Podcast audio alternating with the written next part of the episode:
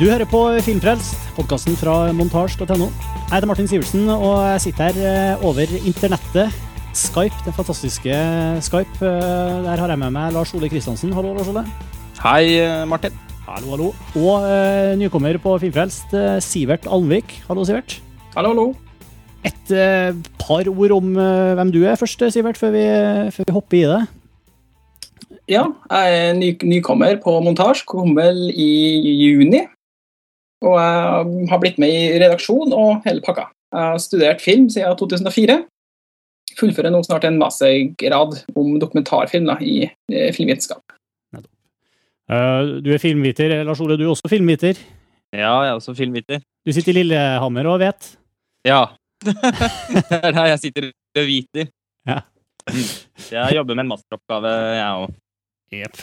Vi har to uh, vi har to filmer på, på, programmet i dag som vi har sett siste uh, uka. Uh, begge to relativt spesielle filmer. Den ene 'Still Walking', japansk. Og den andre svensk. 'Mann tenker sitt'. Hvor skal vi begynne? Skal vi ta svenske filmer først? Ja, jeg tror det.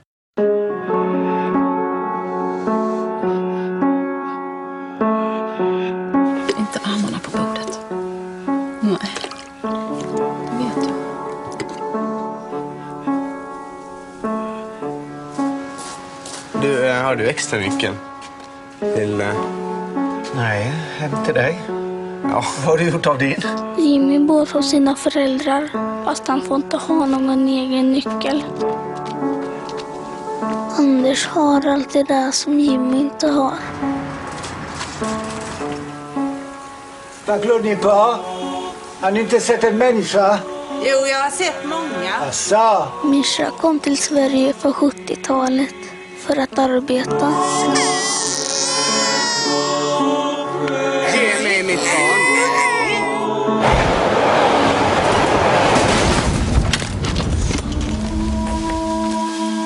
Sebastian!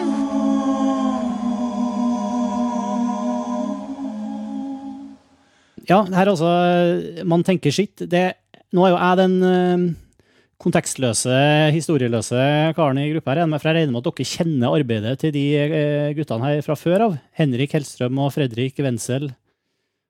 Uh, blant annet Farvel Falkenberg og, og, og litt av Altså, jeg har ikke sett de filmene, nemlig. Nei, Farvel Falkenberg er jo i hvert fall etter min mening en av de beste skandinaviske filmene egentlig de siste årene. Det er jo Det er jo en film som, som på mange måter ligner på Man tenker sitt. Altså, Begge filmene er jo tatt opp i området rundt Falkenberg og har med lokale amatørskuespillere og har litt den samme sånn stemningen da av fremmedgjøring og utilhørighet og, og, og nostalgi. Men eh, på tross av at de på mange måter er like, spesielt sånn formmessig like, så, så virker de ganske forskjellig. ja, altså, jeg, jeg, jeg, skumså jo litt på Farvel Falkenberg, for den gikk på TV her bare for et par dager siden. Så jeg, mm. jeg kom litt inn, inn og, og, så jo at den var, som du sier, i formspråk i hvert fall, til forveksling lik. Ja, det er veldig tydelig at de har en sånn der kollektiv tanke om hvordan de skal lage film, denne gruppa her. altså og de er jo på en måte litt sånn fotograf og regissør Eller fotograf og manusforfatter på hverandres filmer. altså de, Det er den der filmkollektivtanken, da, og det er en tanke som jeg egentlig syns er veldig fin. Så jeg syns jo det er spennende at de har klart å få til eh, noe sånt eh, sammen, da. Og de har også laget, de har også samarbeidet om en dokumentarfilm om bandet Broder Daniel, som heter Broder Daniel Forever. Den har jeg ikke fått sett, men den har jeg veldig lyst til å se. Også fordi jeg liker Broder Daniel veldig godt. Ja, det er jo en, det er jo en sånn veldig sånn spesiell, spesiell, type film som er jo Det er veldig fint at sånne filmer blir satt opp på kino over hodet. Um, jeg leste nettopp i Morgenbladet at, at Man tenker sitt var spilt inn fullstendig uten produksjonsstøtte. Mm. Så de bare de bor jo, altså Det er som du sier, det er, det er Falkenberg som er en sånn uh, svensk forstatsby hvor, hvor, de guttene her har, har vokst opp. da, og og de rett og slett spilte inn hele greia, og så søkte det først fra Svenske Filminstituttet til postproduksjonsmidler etter at klippen var ferdig. Eller den første klippen var ferdig. Det er jo litt sånn gerilja Ja, det er jo Det er jo ganske risky da, å gjøre, å gjøre det sånn. Det er, jo, det, det, er jo ikke, det, er jo, det er jo ikke sikkert at du får penger, da. Så jeg synes han tok en ganske stor sjanse. altså. Men det er også en måte å kunne være kompromissløs på i, i verket. Ja, det er jo sant. Og det skal sies at det er det nå. Som, som vi hørte, eh, altså som vi får inntrykk av bare av traileren og av eh, kort inn i filmen, så er det en film som går har et veldig spesielt tempo. Den går eh, sakte. Det er en eh, veldig sånn hypnotisk, eh, ja, veldig ukonvensjonell måte å, å, å fortelle fi- film på. Da. Og, og det er en film som, som det er vanskelig å i hvert fall være nøytral til. Noe du erfarte på pressevisning, har jeg hørt, Sivert. Ja, jeg måtte faktisk bare gå. Ja, det var flere som gikk, blant annet du. Hvorfor det? Jeg klarte ikke å se den filmen, fordi at eh, Eller det må jo sies at jeg ikke gikk med en gang. da. Jeg satt rundt 40, 40 minutter inn i filmen. Og da følte jeg at jeg hele tida ble fornærma. Jeg fikk ikke, fikk ikke en sjanse til å trekke mine egne konklusjon, konklusjoner. Fordi at de kjører et sånn, en sånn eh, sym symbolikk som var altfor alt overdreven, fø- fø- føler jeg. Ble bare kjørt på med brenning av, brenning av sofa, eh, wrestling på et teppe, med, eller sønn og far har wrestling på, på et teppe, og så er han ute og padler i en kano etterpå. Det ble veldig Det ble for platt og for dumt, føler jeg. Og da måtte jeg bare gå, for at jeg, jeg ble sur, altså. Ja, det jo, Da kommer vi litt inn på hva slags type scener og bilder filmen, eh, filmen gir oss. da. Det er jo, som du sier, den type litt sånn absurde eh, situasjoner som, som er mer eh, åpenbart da, mer allegorisk og, og, og metaforisk enn en de er direkte historiefortellende. Mm. Um, Lars Ola, hvis du skulle prøve liksom, å, din take på hva, ja, på, på hva filmen eh, egentlig handler om? Ja, altså jeg vil jo si at det er en film som handler om Det er- jo kanskje her filmen faller veldig, da, syns jeg. Fordi det den handler om, blir forferdelig enkelt. Altså, den handler jo om å ikke å ha, å, ha å få ha den følelsen av at man ikke hører hjemme innenfor en eller annen ritt, gitt ramme eller struktur som, som man tvinges til å være en del av, da. Som da på en måte det der normative samfunnet. Og da Mm. bruker de jo et, et, et nabolag uh, kapslet inn i masse høye hekker og idylliske hus med hyggelige hager, uh, for å på en måte beskrive den klaustrofobien da, som noen av karakterene, altså de fire hovedkarakterene i den filmen her, opplever. Og det de gjør, er jo at de går ut og da, Nå føler jeg ikke at jeg spoiler noe for noen, for jeg tror ingen kommer til å være sånn spesielt spent på hva som på en måte skjer rent handlingsmessig. Det er ikke der filmen kommenterer. Eh, og de karakterene eh, tar jo da Går jo ut av dette nabolaget og tilbake til naturen, da. For å på en måte finne et sånn slags urmenneske. Og den på, på et eller annet plan så klarer filmen å beskrive en sånn slags følelse av å legge seg under et sort teppe, da. I et rom med tusen mennesker. Eh, og under det sorte teppet så kan du jo på en måte gjøre akkurat de grimasene du vil, eh, uten at noen ser det. Og det er en ganske spesiell følelse å klare å vekke fram, og eh, det er vel et av de liksom fineste tingene jeg kan si om filmen, da, at den, at den klarer, klarer det. Fordi den er altså, de, de får fram en stemning av, av sårhet her som er s- som er severdig, eh, og som jeg syns de skal ha, skal ha kred for.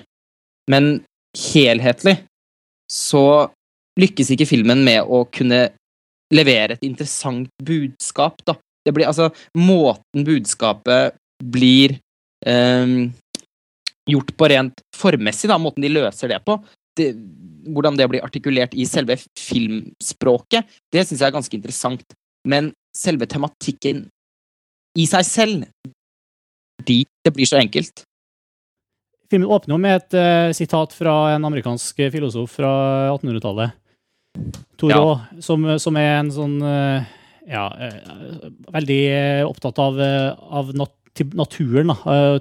Tilbake naturen, friluftsliv. Og, og, og filmen bærer veldig preg av, av som du sier, denne konflikten mellom, eh, det pyntelige hagene og asfalten i nabolaget og naturen som liksom av elvene og skogen og bare snirkle seg inn og omfavne og, og kvele det her nabolaget.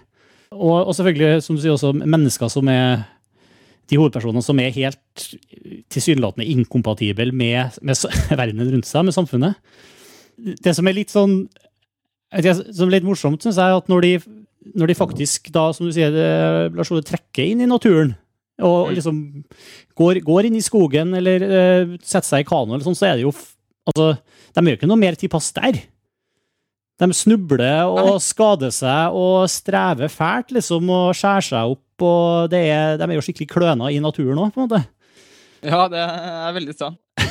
Og det er liksom det er sånn, det er sånn mistilpasshet på mistilpasshet som gjør hele filmen Jeg syns den var både hypnotisk og skikkelig ubehagelig. Ja.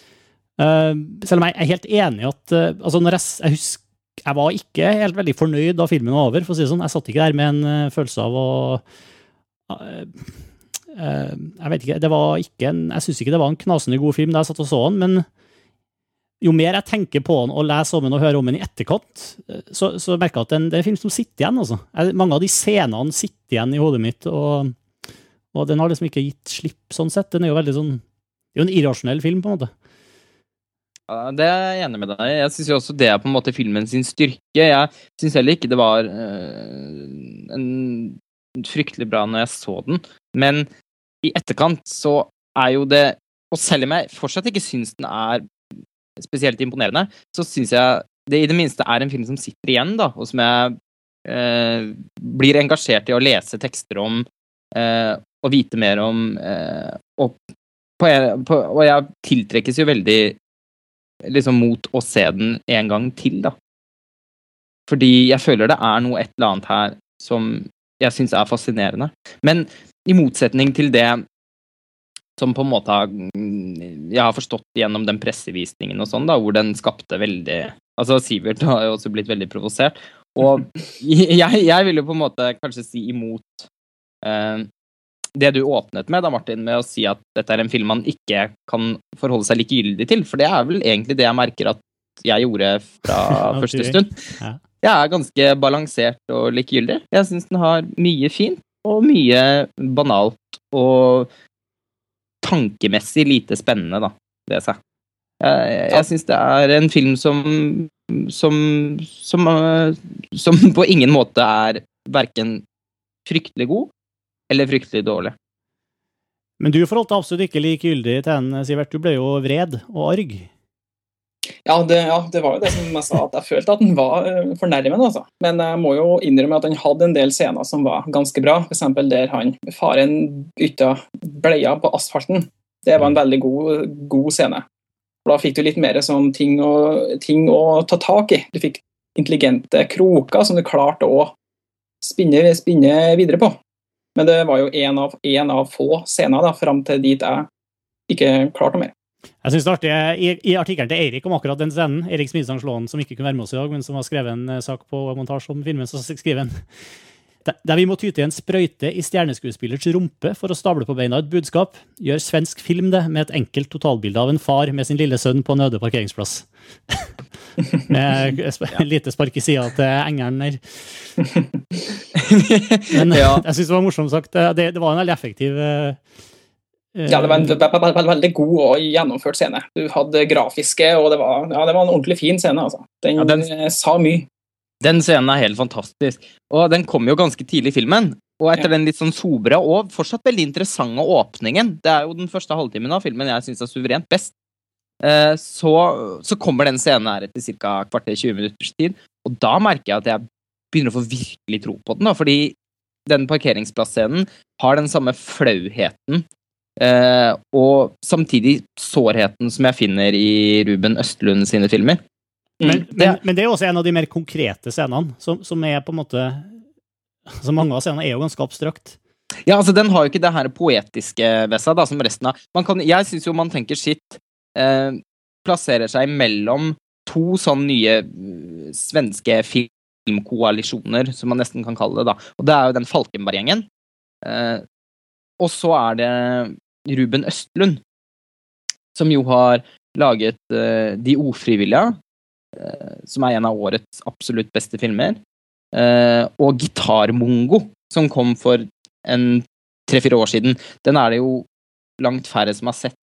Men eh, jeg syns jo man tenker sitt minnet vel så mye om Gitarmongo som Farvel Falkenberg.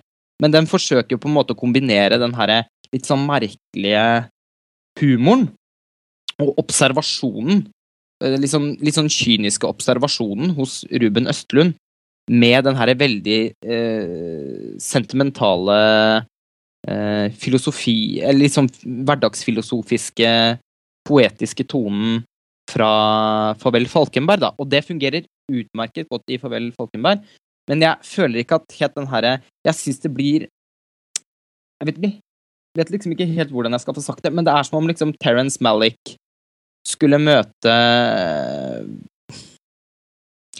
oh, Michael Haneke, uten sammenligning for øvrig. Det føles veldig merkelig. Men, ja, men, og, men den scenen på Kveldsplassen var jo også en av de veldig få scenene hvor det var litt sånn tilsnev til komikk. Hvor man faktisk For det, det var Ellers så, så syns jeg jo eh, litt av, eh, litt av problemet med filmen at den kanskje var Og jeg regner med at det her var noe av det som du også reagerte på, Sivert. at Det var, det var nesten som å sitte Det virka nesten som en slags parodi på, på, på seg sjøl. Altså, ja, i- i det var, ja når, når, når du ser det nå, så ja, det stemmer det. Du blir sånn usikker på om faktisk er dette sant. Gjør de dette fordi at de mener, mener det er seriøst, eller er det, er det kødd? Det, Ja. man, man sitter og lurer på det i starten, altså. Og, men jeg syns det var vanskelig at det gikk an å gå fra han likevel. For jeg, jeg, jeg synes jo Du sa at den var veldig lite spennende. Lars Ole. Jeg syns jo at noe av det som genererte spenning her, var jo nettopp uh, ubehaget som satt inn, som gjorde at jeg, jeg satt hele tida og venta på at noe forferdelig skulle skje. Altså noe sånn ja, Det er mulig at det er noe jeg har lært meg til gjennom uh, eh, gjennom eh, de filmene jeg har sett, og sånn, men når, når det er den type eh, veldig musikkintensiv, veldig dvelende, lange scener med, med liksom bare barn som leker seg ved en elv og sånn, så jeg sitter hele tida og venter på at det skal skje et eller annet grusomt. da. Ja, det er Som- jo sant, ja. Som, som egentlig aldri skjer. Det, er bare, det, bare, det ligger bare et sånt jevnt nivå av ubehag gjennom hele filmen, men, men det skjer på en måte ingenting, da.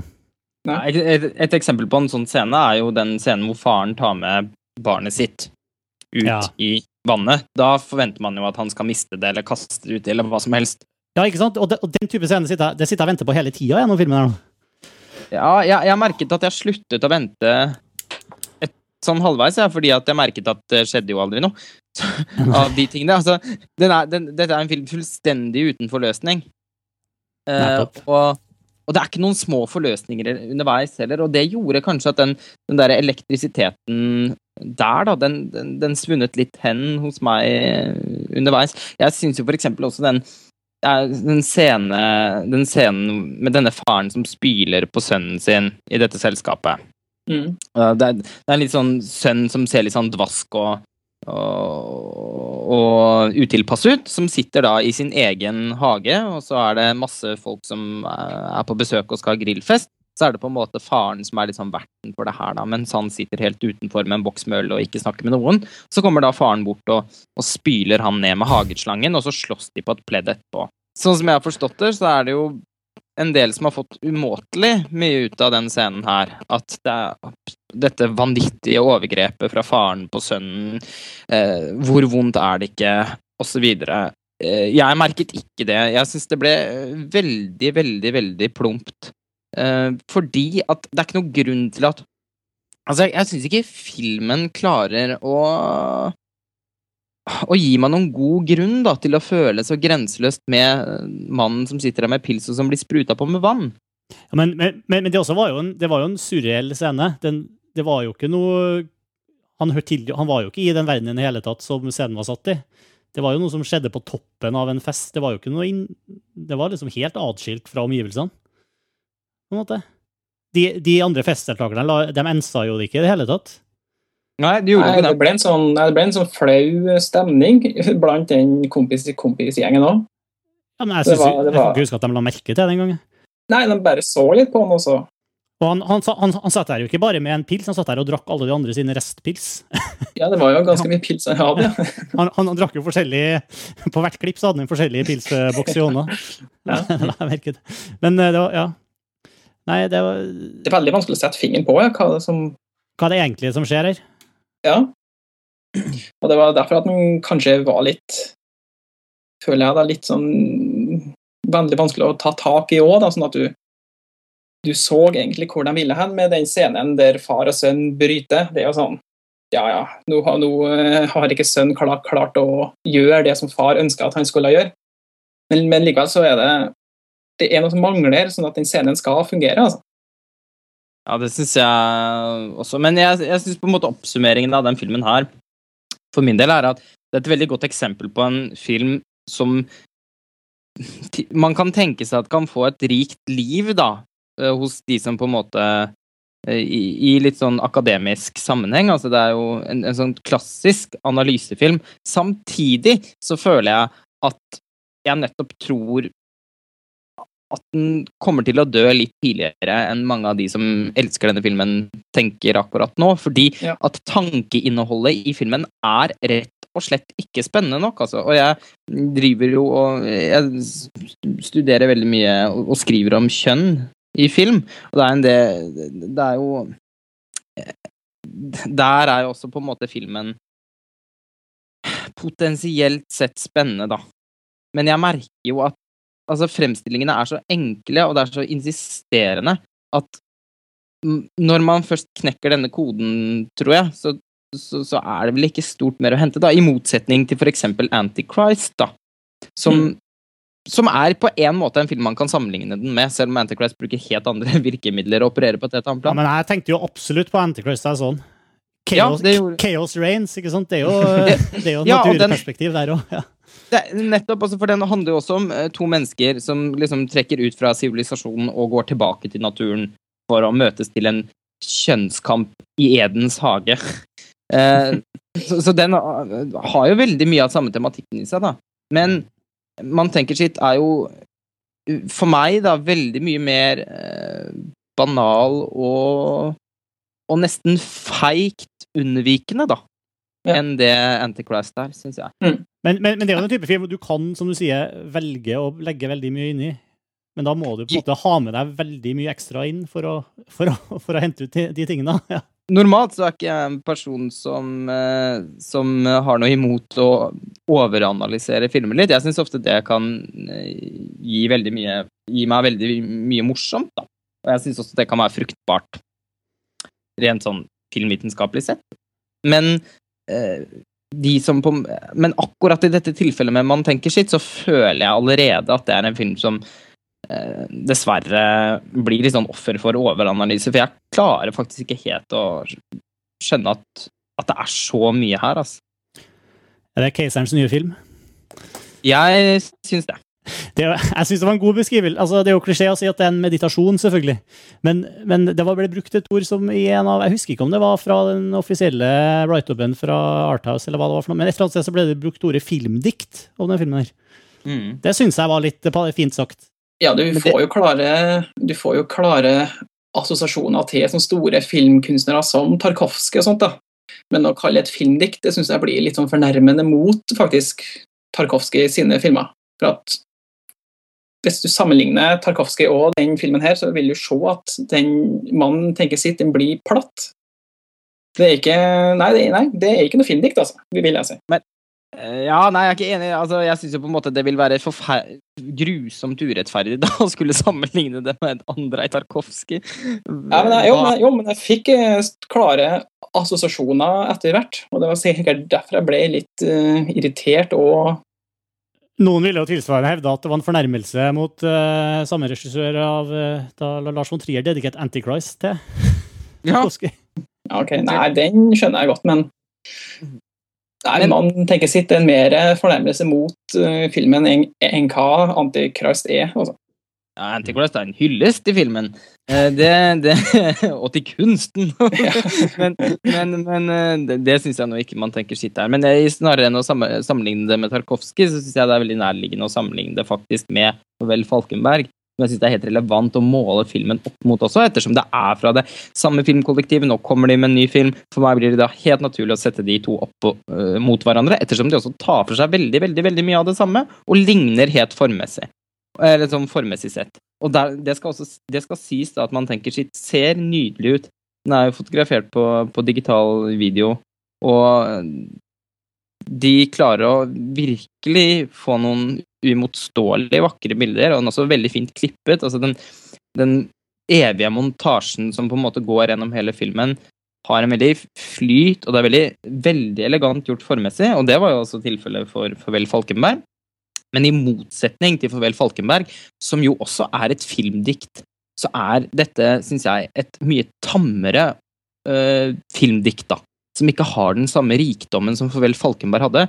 Farvel Falkenberg var litt mer konkret, men øh, gjennom det så turte den jo også å si ting med en litt større tydelighet som gjorde at jeg ble veldig berørt. Den handler jo om en gruppe uh, unge, unge, menn som skal bryte ut av barndomsbyen sin og på en måte starte sine egne liv, og hvor vondt uh, det egentlig er. Uh, det tror jeg de fleste kan kjenne seg litt igjen i. Og den på en måte behandlet jo en såpass konkret tematikk, da med et litt sånn luftig, luftig filmspråk og en poetisk tone med voiceover minner veldig om Terence Malick, da, men som faktisk klarte å være på, eh, på det nivået. Og det er der jeg syns at man tenker sitt feiler litt. Jeg syns jo de, de slags anekdotene fra han veldig merkelige rødhåra gutten, som, som, i og for seg var veldig godt casta. Han, han hadde, de herligste scenene i filmen syns jeg var med han.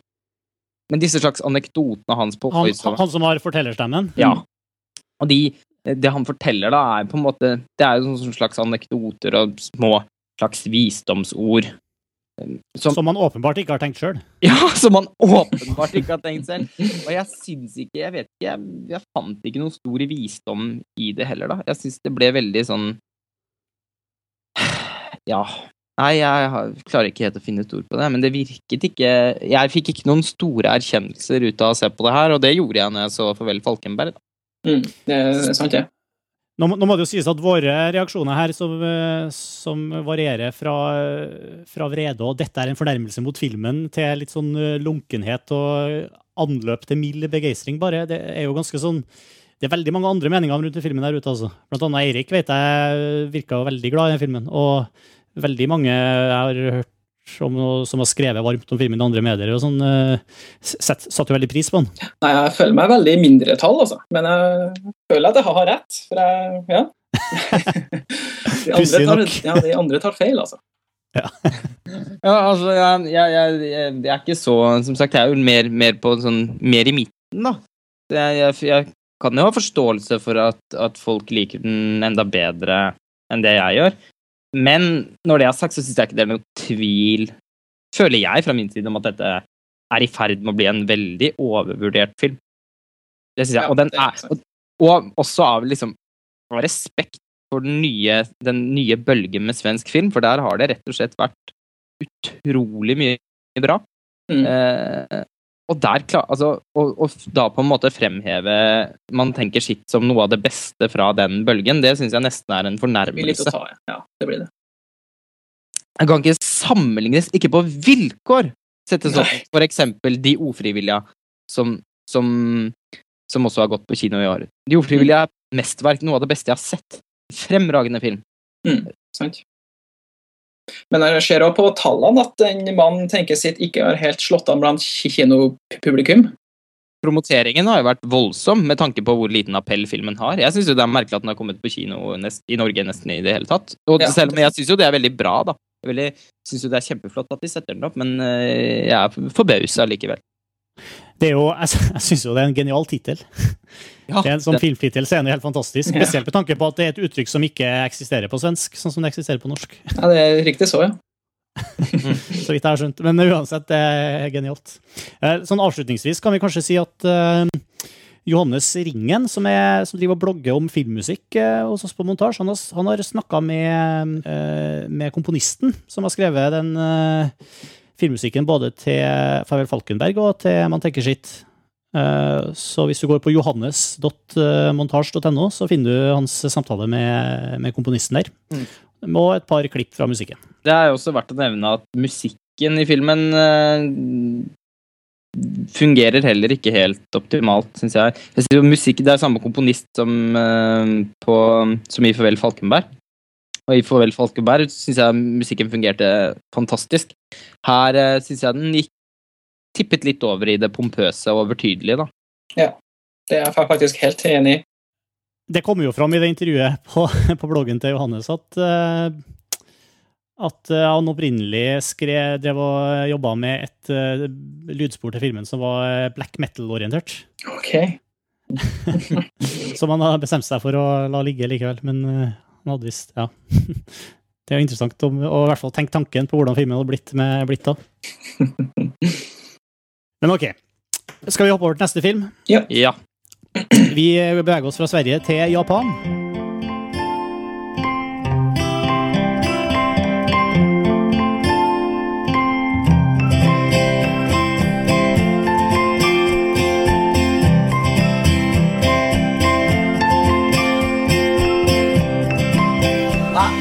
おじいちゃん出てきたしてたのか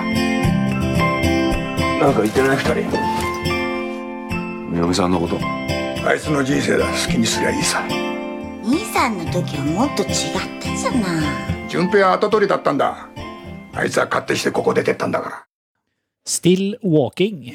Det er faktisk årets eh, andre eh, dvelende lavtempofilm fra Japan. Den første var Briller. Ah, den fikk jeg aldri sett. Jeg husker en podkast her med den. Ja, den var vi, var vi også veldig delt på. Jeg likte den veldig godt. Uh, Still Walking, også må jeg si, uh, film jeg likte veldig godt. Hirokazu Koreeda heter regissøren. Han har, uh, han har, sett, uh, har lagd to filmer som jeg ikke har sett, i hvert fall, som uh, jeg vet mange har sett. 'Nobody Knows' fra 2004 og en film som heter 'Afterlife' fra 1998.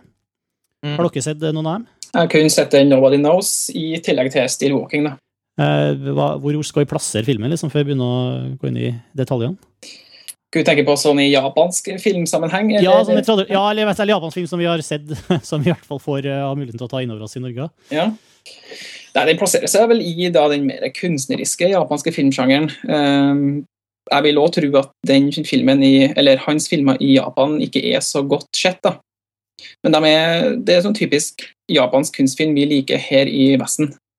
Er det. Ja, for Han er jo sånn filmfestivalslager. Ja, det er sånn festivalslager. Ja. Den går rundt på alle festivalene. Og den er jo genuint japansk. Altså, jeg syns jo eh, Koreda altså, Jeg har også sett 'Nobody Knows', den forrige filmen hans.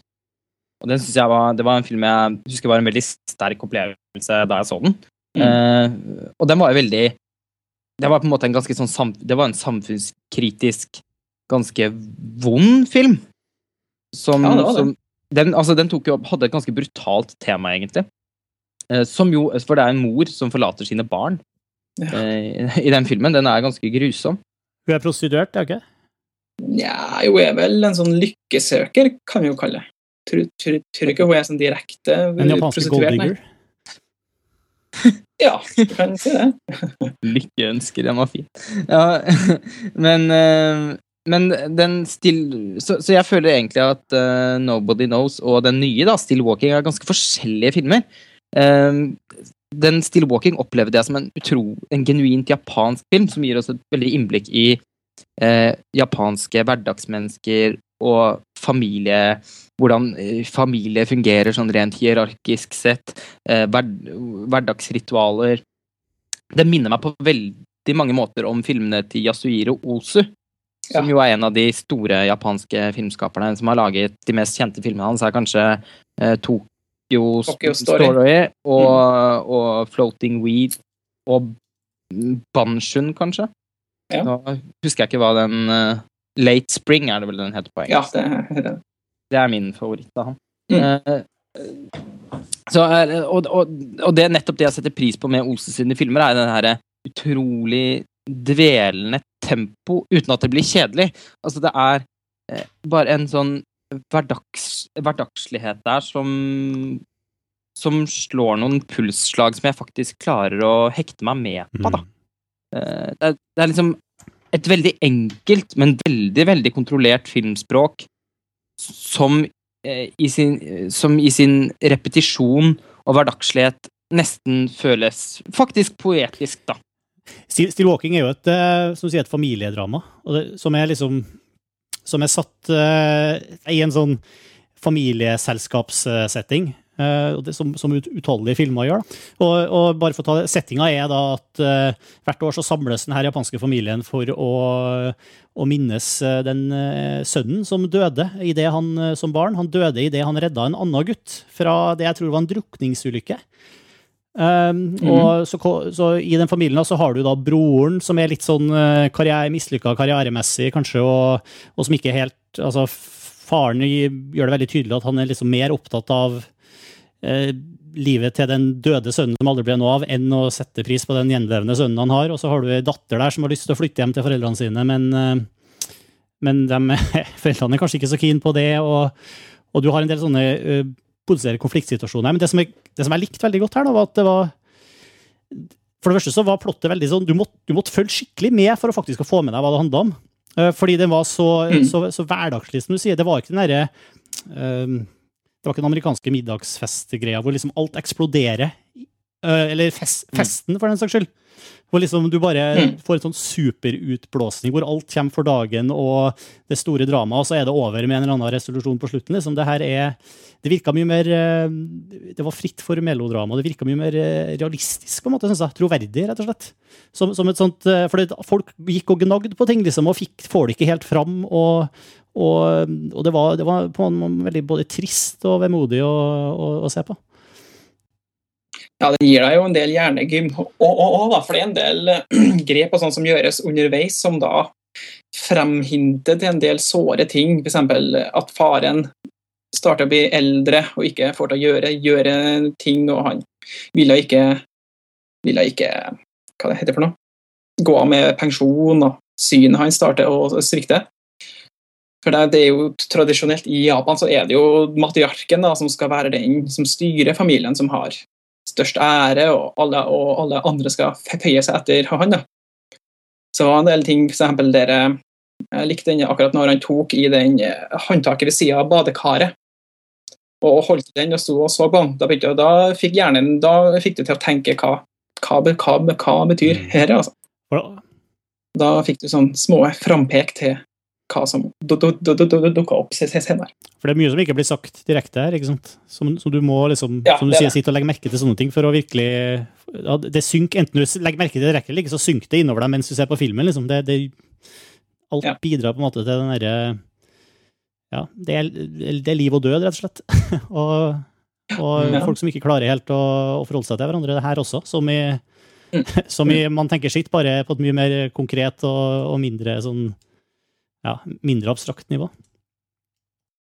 Og ikke minst mye mindre pretensiøst. Uh, Walking, Ja, det er jo veldig typisk japansk og sånn, da. Det er jo, det, det, det er jo kanskje klisjéaktig å si det, men følelser og sånt i Japan, det er, det er lite med sånn følelsesutbrudd og sånt. Man skal hele tida beholde ansikt. Mm. Så, så filmen følger da den tradisjonen da, med at du aldri skal egentlig vise hva du føler.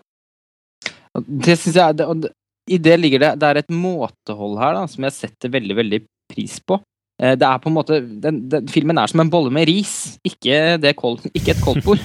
Det er veldig sånn Det er et veldig måtehold hele veien. Eh, Men hvert eneste riskorn da, har jo noe et eller annet det skulle ha sagt. Mm. Og i sin litt sånn, i sånn, litt sånn grunnleggende flathet og kjiphet, så klarer filmen å eh, ha en, en veldig livsvisdom, syns jeg. Det er en, eh, en erfaringsrikdom i den filmen her som jeg føler meg veldig nesten bortskjemt med som tilskuer. At han Koreda makter å, å si så gjenkjennbare ting på en måte som likevel gjør at de oppleves helt nytt, med så sarte virkemidler.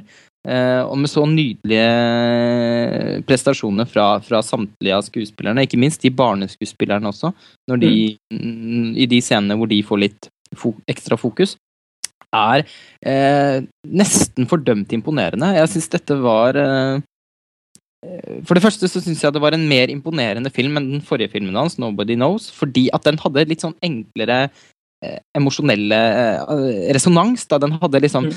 Den, den var litt sånn Hadde litt enklere retorikker for å bevege tilskueren. Som, og der har jeg faktisk også sett eksempler på at det har blitt gjort mer, kraft, mer kraftfullt. Eh, den her syns jeg rett og slett var helt eh, fremragende. Det var eh, kontinuerlig interessant å se, og man slappet av. Altså, snakker om, om meditasjon, da. Det, man tenker sitt, hva, hva klarte aldri å bli det for meg i Nei. sin pretensjon. Dette her syns jeg eh, var ganske meditativt. Her kunne jeg på en Mm. måte bare synke ned i stolen og få lov til å få den Altså Få den gaven, da, å kunne tre inn i et japansk hjem for noen dager og bare se. Mm. Jeg syns, jeg syns der, der filmen, kanskje for å være litt eh, sånn kritisk igjen, der kanskje filmen bryter litt mot den herre eh, Hvilket ord brukte du? Den her selvbeherskelsen. Jeg husker hvilket ord du brukte. Jo. Altså det, den, den er veldig sånn eh, la, Altså, det er bare Kameraet står stort sett i ro, og det er veldig altså, Men der den bryter litt, føler jeg kanskje, kanskje i den eh, eh, Den gutten som han Han sønnen i huset redda. Han, Mhm. litt, av poeng, litt av tradisjonen i denne årlige middagen er at han er faktisk invitert. Han, han som ble redda, er invitert hjem til familien, og, og, og da føler jeg at den liksom Der er det, i den scenen der, han er liksom han er eh, overvektig og mislykka, og det, er liksom, der føler jeg at han er litt sånn overspilt og over, litt sånn eh, over the top igjen. da, litt så Der blir det veldig sånn teater igjen. da, føler jeg. Det var litt kabuki-teater, det kan jeg være enig i. ja, for han, han, han er liksom, han er nesten en eh, slags sånn karikatur, da. Han, den personen Ja, men- som kommer hjem til dem. Men da er du inn, inn på den japanske kulturen igjen, at han, det er forventa av, av han at han skal være sånn. Ja. For, du sa jo, for du så jo mora Eller, så- eller det, er jo, det er jo ikke direkte en spoiler, da, men mora som inviterte han, Ja. påpeka at han unnskyldte seg på en feil måte. Ja. Så det var liksom forventa at han skal være den ekstremt ydmyk og nesten dumme seg ut, altså. Jo, han var invitert fordi at han skulle ha det vondt, det var jo, det var jo tydelig, men, men eh, Så jeg tror ikke at det var Eller jeg, jeg følte ikke at det var overspilling. Det var bare sånn Også der, også i den scenen med den sommerfuglen, eller møllen, eller hva for noe, hvor Mm. der var det også litt sånn tilløp til Og det er mulig at det her som tilløp til litt sånn Du sier at, det, at eh, den japanske kulturen der er veldig sånn å beholde ansikt og være veldig sånn eh, stram i maska, sånn, men, men ikke i teaterspråket. Jeg føler at der, kom det, der kom det liksom fram veldig mer sånn den derre eh, Litt sånn overdrevne teatralske som du ser i, i kinesisk kung fu-film, og altså den derre hvor folk eh, gjør store, runde øyne og roper og herjer og er og fekter mye med armene, for å si det sånn. Mm. Det, det kommer jo inn et par sånne elementer i filmen også, som er, Det er mulig at det bare hjalp til å bryte opp litt, da, men eh, Nei, det var vel det for å vise at mora ikke har det helt, helt bra, og at det er av og til så er det vanskelig å holde på den maska som du er på, påkrevd av andre å ha. da. Ja, fordi den, eh, den scenen syns jeg på en veldig fin og ganske enkel måte uttrykte hennes savn, da. Etter sønnen som hun har mistet, og at han Og, og det er jo en kjent sak at når, når personer mm, i nær familie har, er døde, da, så så blir jo det ekstra sterkt når familien samles, og det er en eller annen spesiell anledning. Og det blir jo ikke, laget, det blir jo ikke gjort veldig mye sentimentalitet rundt det i Still Walking, men akkurat den scenen med sommerfuglen er jo eh, Den bare beskriver jo på en måte at han, sønnen som har druknet, er, har et slags nærvær der likevel, da. Jeg syns det var ganske fint. men det visste jeg jo, det hadde jeg jo for lengst skjønt før jeg kom til den scenen. Og, så, så de, både den scenen og den scenen med han, øh, han øh, Skulle du si han øh, gutten, han voks, nå, nå voksne, men han gutten som ble redda, øh, Mm.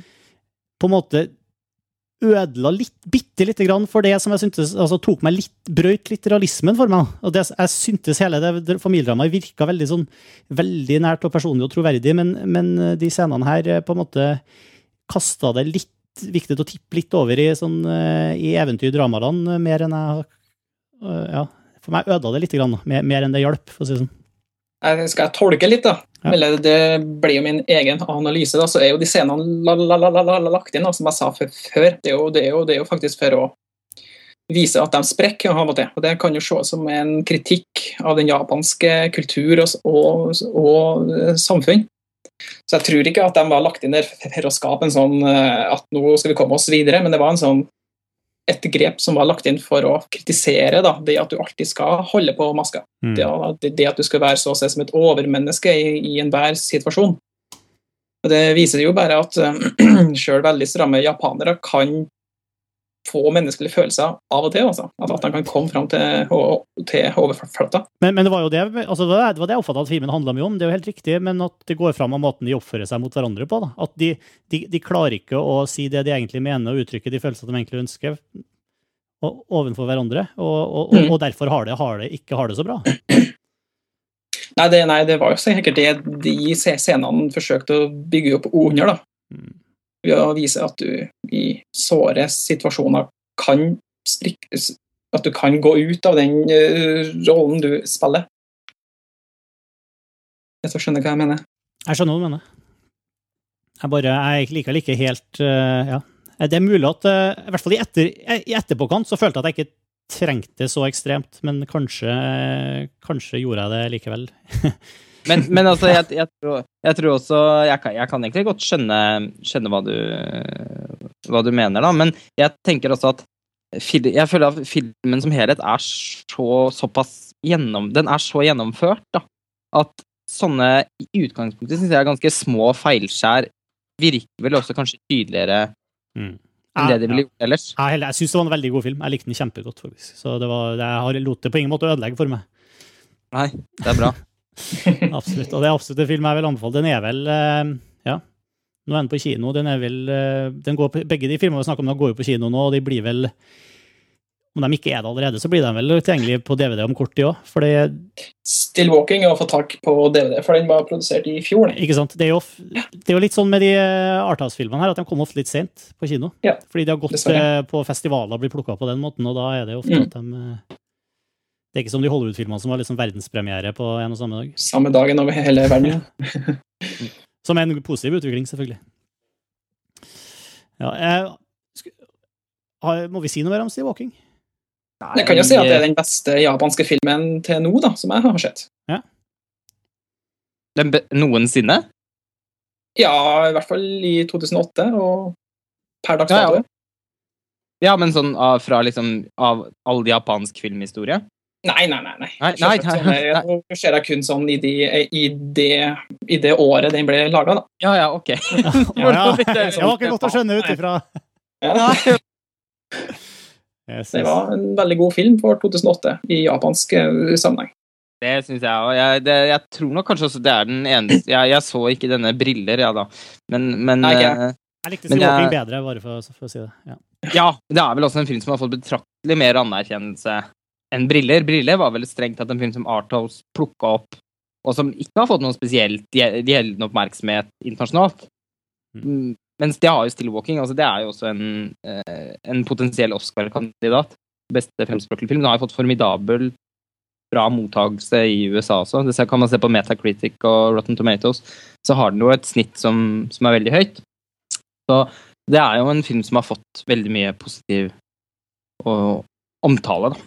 Men det er virkelig eh, Jeg, jeg begynner å sitte nesten overfor meg selv og begynner å gå inflasjon i øh, å si at dette er en av årets beste filmer, fordi jeg syns strengt at dette filmåret her begynner å bli overveldende bra.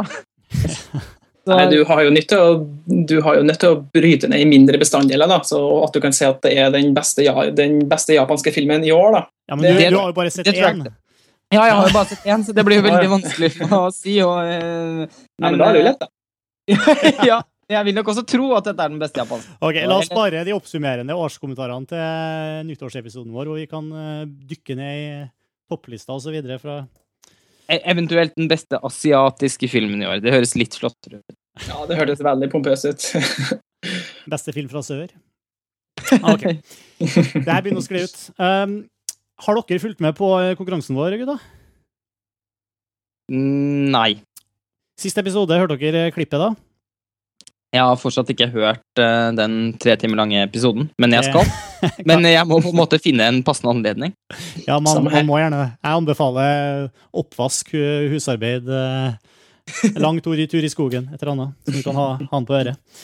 Det var forresten overveldende god respons på den. Jeg var litt redd egentlig for å legge ut en sånn Det er lengste podkasten jeg noensinne har. Jeg har ikke hørt noen så lange podkaster fra noen andre sted, men det virka som om lytterne våre satte veldig pris på det. Så det blir sannsynligvis ikke siste gang vi gjør noe sånt.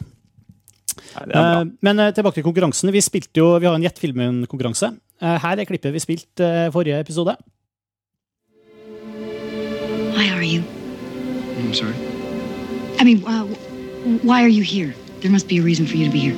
Yes, I'm here to fight for truth and justice in the American way. Og det klippet der var Det er faktisk et av mine uh, favorittsitater fra filmhistorien noensinne. Det er fra, fra filmen uh, Supermann, 1978. Uh, Richard Donner sin eh, film med eh, mange, eller flere har gjetta riktig her. Eh, vinneren denne gangen her er Rune Karolius, som skriver eh, at det ganske riktig fra Richard Donners Supermann, ja. The Movie. Hvor vi hører Margaret Kidder som Lois Lane og Christopher Reeve som Supermann. Ak akkompagnert av John Williams og London Symphony Orchestra. Er på alle måter synes jeg en strålende film. Flott filmmusikk. Eh, veldig mors... Ja, en av mine favorittsuperheltfilmer, faktisk. Og eh, i tillegg til Christopher Reeve og Margaret Kidder, så er det også Marlon Brando og Gene Hackman på, på rollelista. Eh, sitatet er jo fantastisk. Det er jo eh, Lois Lane som journalist får jo intervjue Supermann på balkongen sin, og et av uh, spørsmålene stiller, er selvfølgelig Hvorfor er du her? Hva, hvorfor har du kommet til jorda? Og så svaret er selvfølgelig I'm here to fight for truth, justice and the American way. Ja, det er en uh, morsom replikk i en uh, Det må jeg bare skyte inn. Uh, ellers veldig kjip film, syns jeg. jeg Du liker den ikke? Overhodet jeg er fryktelig kjedelig. Jeg har sjelden blitt så skuffa, tror jeg, som første gang jeg satt i Supermann. Å, jeg elsker det. Jeg har sett den hundrevis av ganger som barn, i hvert fall. Jeg har, Ja, ja, så jeg, det er mulig at det er nostalgien som kicker inn der også, altså, men jeg huska det som en stor film. Jeg tror også jeg har alltid slitt med den Supermann-myten. da, Det at når han tar på seg et par briller, så er det ingen som kjenner han igjen. Det er fantastisk. veldig vanskelig Nei, men du, du glemmer håra. Han får jo en sånn lokk. Sånn Å ja, hårlokk foran på stemmer. panna. Men ok, Um, vi har en ny konkurranse til dere. Så det er bare å spisse ørene. Hvilken film er det her klippet fra? I want my brother back, please, if it's all the same. What's said is said. But I didn't mean it. Oh, you didn't. Please. Where is he? You know very well where he is. Og hvis dere eh, har gjetta det, så eh, hvis dere kjente igjen filmen, send oss en mail. Filmfrelst at montasj.no. Skriv konkurranse filmfrelst 31 i emnefeltet. Og eh, oppgi hvilken T-skjortestørrelse du ønsker deg, for vi driver og sender ut T-skjorter til konkurransevinnerne. Ja, jeg har ikke klart å bestemme meg, Lars Ole, for om jeg skal eh, kjøpe meg den filmen du skrev om eh, nettopp. Eller ikke. Martyrs. Martyrs. Ja, det var, det var veldig tvetydig om eh, det er noe for Om du i hele tatt anbefalte den, Lars Ole. Ja, nei, det er en veldig tvetydighet i det òg. Jeg så også at uh, Even Benestad, som har blogg på montasje, også hadde plukket den opp og skrevet i kommentarfeltet under at, at uh, han hadde bortimot samme opplevelse som meg, og at samboeren hans kasta opp etter å ha sett filmen. Jeg sitter på sånn følelse at there are some things you cannot unsee. Jeg sitter og lurer på om jeg skal utsette meg for det.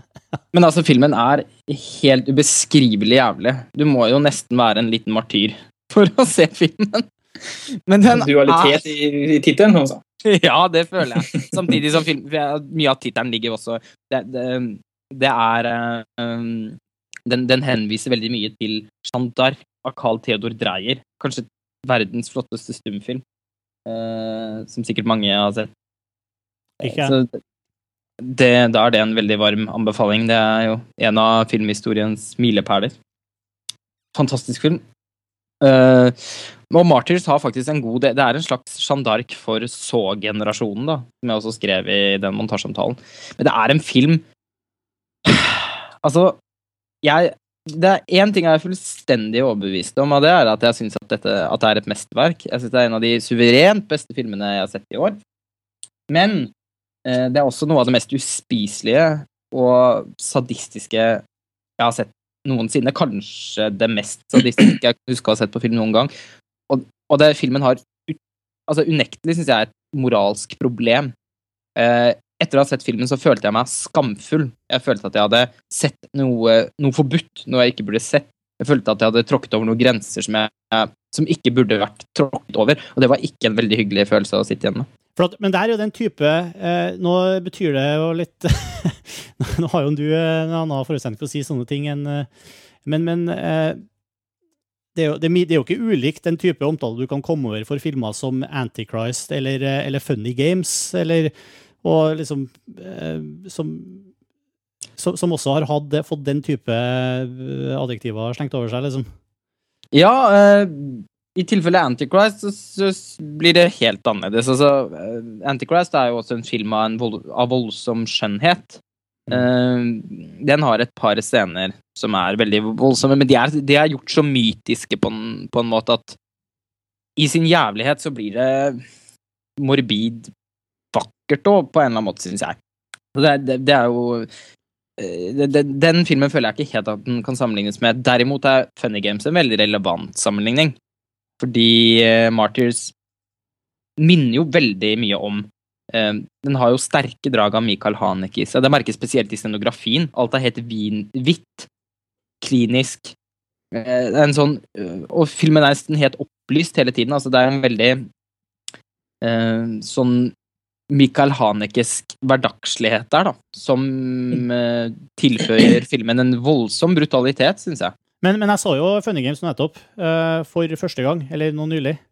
Ja. Og uh, jeg syns jo den var ganske impotent eh, som film. Og jeg, jeg ble jo jeg ble jo da litt glad når jeg så, når jeg så ekstramaterialet på DVD-en etterpå, og intervju med Mikkel Hannike ti år etterpå, eller hva det er for noe.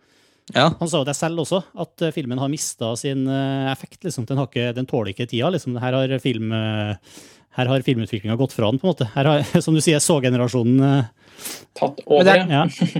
men det er kanskje derfor Funny Games er så bra, da, syns jeg. At den er så ekstremt uh, datert på én måte, men det er, et, det er et budskap der som føles akkurat like relevant, da. Ja. Det er jo Han remaket den jo selv også.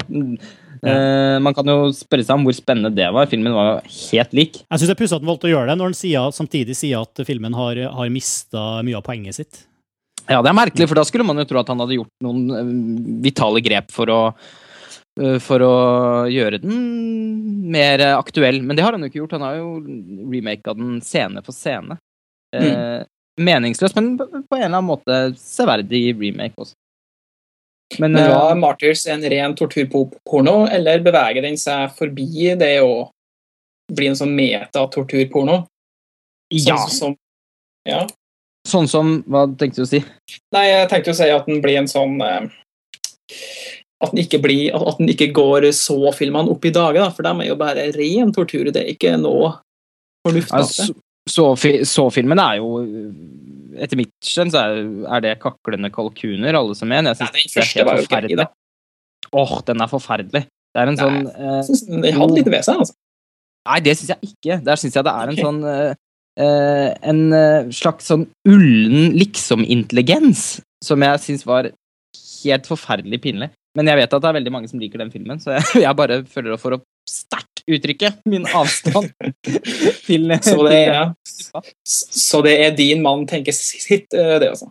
Ja, men for å gå vekk fra det, så um, For å svare på det du spurte om først, Sivert, så er jo filmen uh, Den begynner Det som er veldig spesielt med Martyrs, er at den begynner som en veldig konvensjonell grøsserfilm.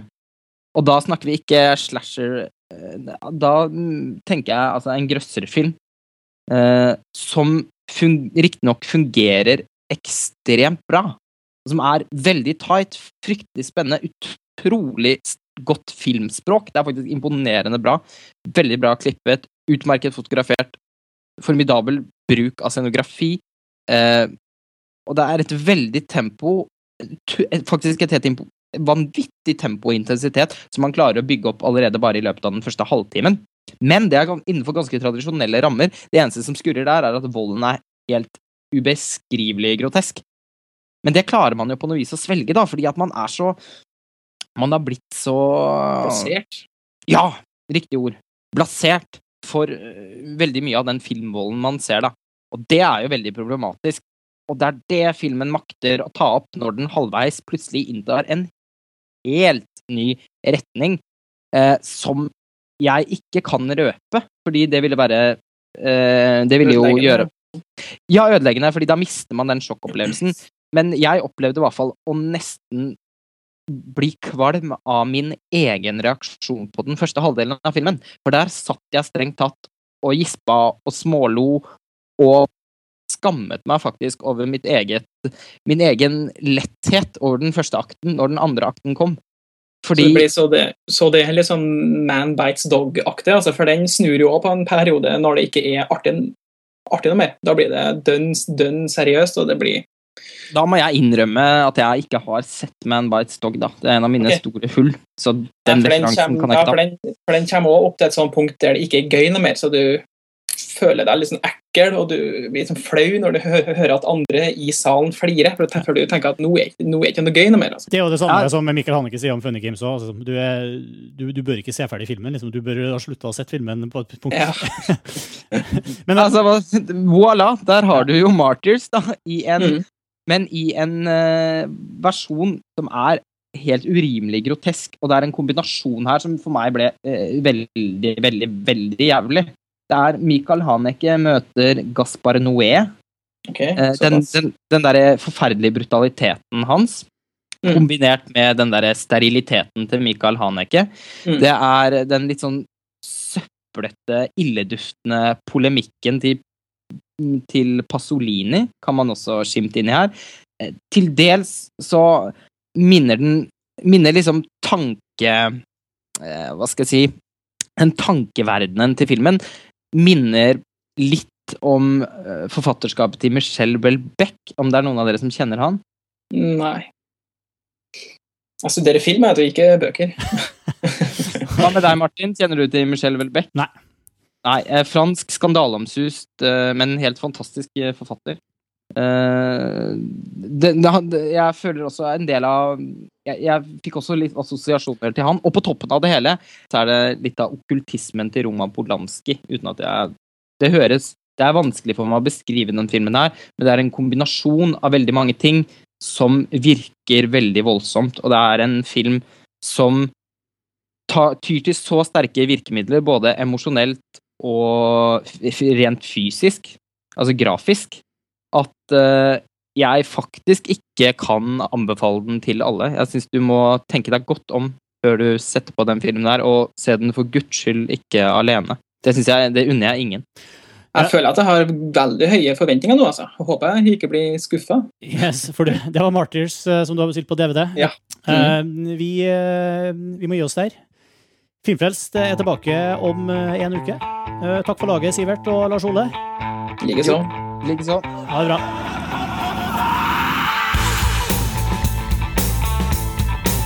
Filmfrelst er en ukentlig podkast fra filmnettstedet montasj.no. Du finner oss i iTunes eller på montasj.no slash filmfrelst. Og vi tar gjerne imot innspill og tilbakemeldinger på filmfrelst at montasj.no.